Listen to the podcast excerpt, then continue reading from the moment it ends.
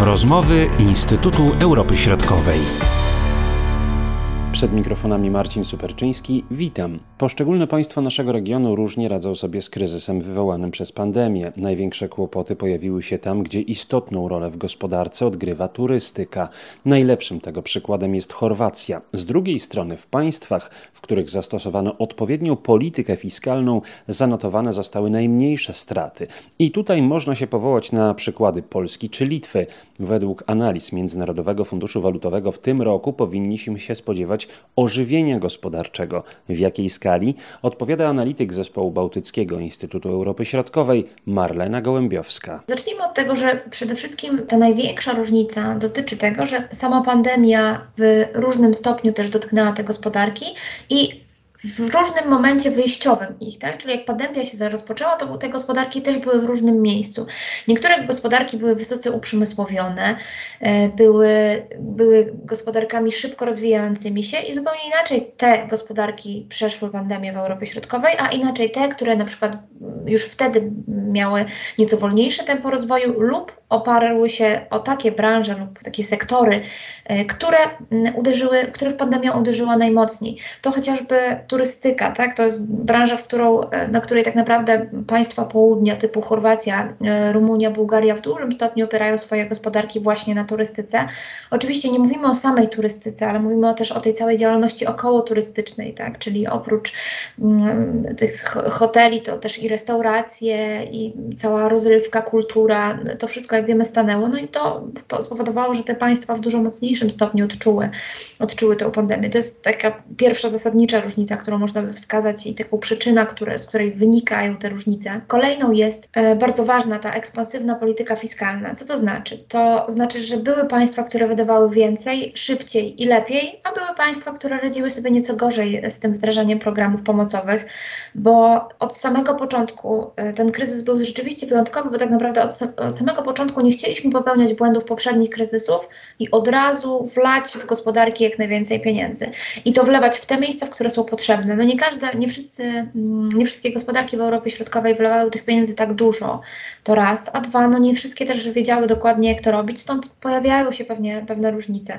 Bardzo ciężko jest stworzyć taki obraz popandemiczny, bo w zasadzie pandemia jeszcze trwa, ale gdyby tak chociaż podsumować ten 2020 rok, to samo PKB, które mówi nam wiele o, o tym, co się wydarzyło, pokazuje, że mamy takie gospodarki jak właśnie Chorwacja, w której 8% PKB jest tąpnięcie, tak, względem 2019 roku, ale mamy Litwę, które, która no nie ma wzrostu gospodarczego, to jest bolączka, ale to PKB spadło tylko o 1% w stosunku rok do roku. No to to jest zasadnicza różnica. Procenty bardzo przekładają się na to, jak de facto poszczególne gospodarki i ludzie żyjący w tych gospodarkach odczuli pandemię. To też y, pokazuje przykład Chorwacji, że jakby wiązanie się albo y, umocowanie gospodarki bardzo silne w jednym sektorze może być bardzo ryzykowne w różnych sytuacjach. Tak jak Rosja ma problem na przykład z tym, że opiera swój budżet w dużym stopniu na wydobyciu, prawda? Tak samo tutaj w przypadku Chorwacji, oczywiście no nie wydobycie, ale właśnie ta y, turystyka, koło napędowe, zamachowe chorwackiego PKB może też być zgubne. Z drugiej strony no ciężko mówić, y, obwiniać te państwa, że są takie, jakie są, one po prostu takie są, tak się wykształtowały, no nikt się nie mógł tego spodziewać tak naprawdę.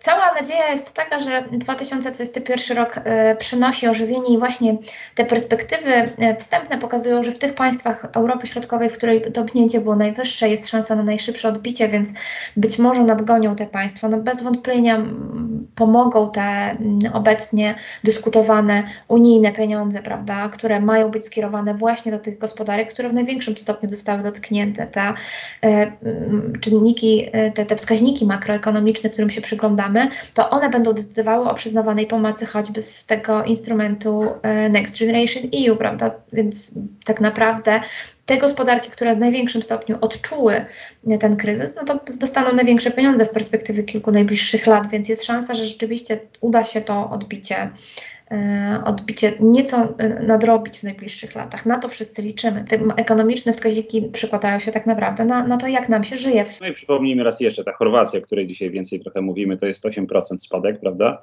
e, PKB i Litwa tylko 1%, czyli można powiedzieć, że no, tak symboliczny powiedzmy. Natomiast Polska, jak możemy ocenić nasz kraj? Polska jest takim specyficznym przykładem, ponieważ oczywiście odnotowaliśmy mm, spadek, spadek PKB. To jest około 3% w stosunku rok do roku. Przy czym jesteśmy wyjątkowym państwem pod względem bezrobocia, bo jedynym w regionie, w którym bezrobocie nie podniosło się. W 2020 roku nawet mamy lekki spadek tej stopy bezrobocia, więc ta sytuacja na rynku pracy jest naprawdę wciąż, wciąż korzystna. W Polsce pojawiło się inne zjawisko. To jest właśnie bardzo ciekawe, że generalnie wszystkie państwa Europy Środkowej tąpnęły, czyli mamy ten, ten spadek PKB. Mamy w większości, Polska jest tutaj rzeczywiście wyjątkiem yy, na tle tych, tych sąsiadów Europy Środkowej, jeśli chodzi o, o bezrobocie, bo, bo w tym przypadku o, tylko w Polsce nie nastąpił, yy, nie, nie zwiększyła się stopa bezrobocia, w wszystkich pozostałych państwach tak. Ale jeśli chodzi o e, wahania cen, no to tutaj mamy tak naprawdę cały przekrój, począwszy od e, właśnie inflacji, która w Polsce jest e, wyższa od celu inflacyjnego. Plasuje jest się zauważalna po prostu. Tak, jest zauważalna i też jest zauważalna właśnie w, bo pamiętajmy, że w tym koszyku dóbr, który liczy inflację, mamy różne dobra i te dobra tego niższego rzędu, te takiej pierwszej potrzeby są, ta inflacja jest wyższa na nich, więc my ją czujemy, a okazuje się, że są państwa w regionie, które zupełnie inaczej zareagowały, jeśli chodzi o te ceny yy, i, i zupełnie inna była reakcja cen wobec yy, pandemii. Zdarzają się takie sytuacje, mamy na przykład w Słowenii i Estonii mamy deflację, czyli yy, nie tyle nawet dezinflację, czyli spadek przeciętnego poziomu cen, tylko tak, deflację, więc sytuację zgoła odmienną ta pandemia rzeczywiście, ten kryzys wywołany pandemią jest rzeczywiście wyjątkowy, bo z reguły w czasie recesji oczekujemy, że inflacja będzie spadać, bo zmniejsza się popyt. A tutaj mieliśmy taką nietypową, ten kryzys nietypowy, dlatego że mamy z jednej strony uderzenie w popyt, tak, w konsumentów, czyli odroczone zakupy początkowo, tak, zostaliśmy zatrzymani w domach i po prostu zmniejszyliśmy chęć na, na wydawanie pieniędzy, ale z drugiej strony uderzyła też w podaż bardzo silnie, tak, czyli po prostu całe gałęzie gospodarek były zamknięte zamknięte. To spowodowało rzeczywiście takie różne zjawiska i państwa, y, w państwach poszczególnych naprawdę różnie się dzieje. No i właśnie Polska jest tym państwem, w którym, w którym no nie zmagamy się z dużym bezrobociem. Nie, ten spadek też nie jest, relatywnie nie jest duży. Pamiętajmy oczywiście, że to jest spadek, więc to jest sytuacja niespotykana w Polsce od 300 lat i trzeba o tym mówić jako no wielki, to jest wielkie tąpnięcie. Czegoś takiego jeszcze nie widzieliśmy. Od czasu transformacji nie widzieliśmy takich zjawisk w Polsce jak spadek PKB, jak, jak recesja ale to nie jest tak silny spadek y, na tle, na tle pozostałych państw, no ale niestety mamy inflację, tak, z tym się borykamy. Są natomiast właśnie, tak jak, tak jak wspomniałam, państwa takie, które mają na przykład bezrobocie zdecydowanie wyższe, ale inflację na spoko takim spokojnym poziomie. Zastanówmy się teraz, co by się działo, gdyby nie było tej pomocy państw, y, gdyby te właśnie mechanizmy nie były uruchomione. To jest tak, że możemy nawet sobie nie gdybać, bo ktoś to wyliczył całe szczęście. Międzynarodowy Fundusz Walutowy wyliczył to, że gdyby nie pomoc państw, którą uruchomiliśmy od samego początku, to ta recesja mogła być nawet trzykrotnie głębsza.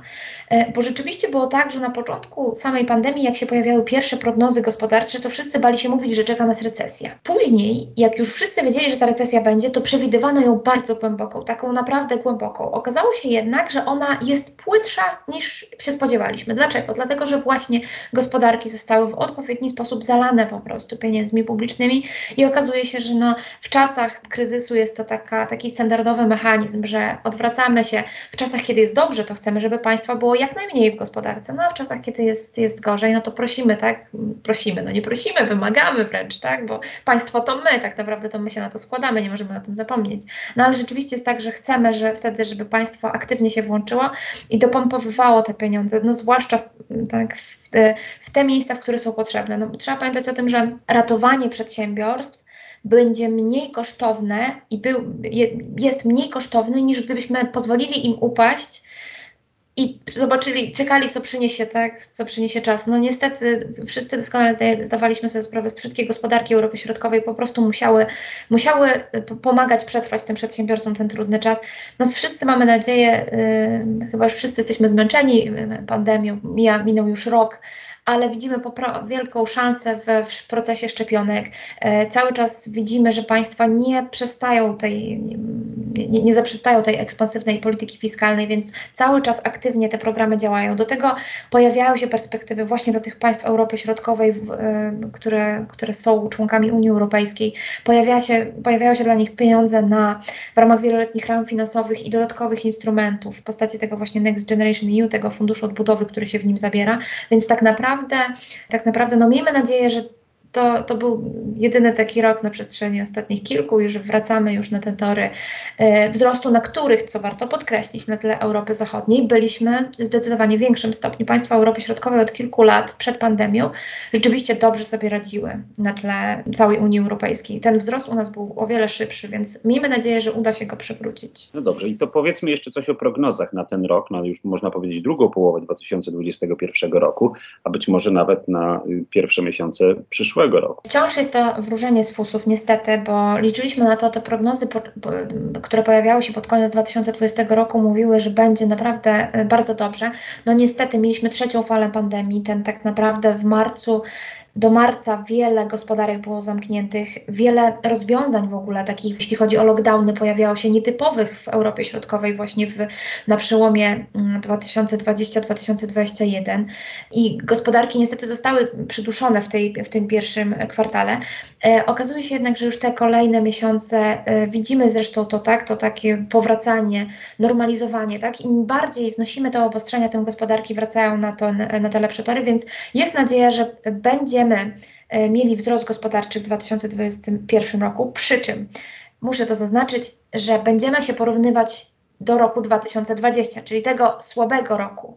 Czyli jak będziemy mówić, że mamy wzrost gospodarczy w 2021, jak będziemy za rok o tej porze rozmawiać, to będziemy się porównywać do tego słabego roku 2020, więc to nie jest wyczyn poprawić. Czyli najlepiej porównywać się do roku 2019, co najmniej. Tak, i to, to będzie ciekawe, bo to pokaże, czy ten rok y, stracony udało się nad, nadrobić w 2021. I to, to będą ciekawe analizy. Ale tak naprawdę ciężko mówić, tak, tak wciąż jest niestety ciężko mówić, zwłaszcza, że ten rok tak naprawdę naprawdę jesteśmy dopiero w drugim, rozpoczynamy, rozpoczęliśmy drugi kwartał, więc ciężko mówić, jak cały rok będzie wyglądał.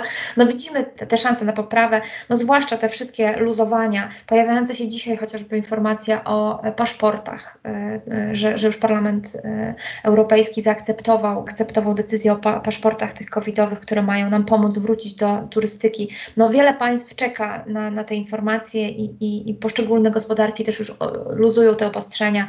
To po prostu pozwoli nam unormalizować to, to życie gospodarcze, wrócić właśnie na te dobre tory. Miejmy nadzieję, że, że tak właśnie będzie. To oby jak najmniej wróżenia z fusów i jak najwięcej konkretów. Tego powinniśmy sobie życzyć na te najbliższe miesiące. Tak, my ekonomiści tęsknimy za tym, żeby z precyzją taką, naprawdę precyzją co do trzeciego miejsca po przecinku po, po opowiadać, co wiemy, bo rzeczywiście bardzo trudno sprognozować przy takich zmiennych warunkach jak, jak dzisiaj. Mówiła Marlena Gołębiowska. Marcin Superczyński, do usłyszenia. Były to rozmowy Instytutu Europy Środkowej.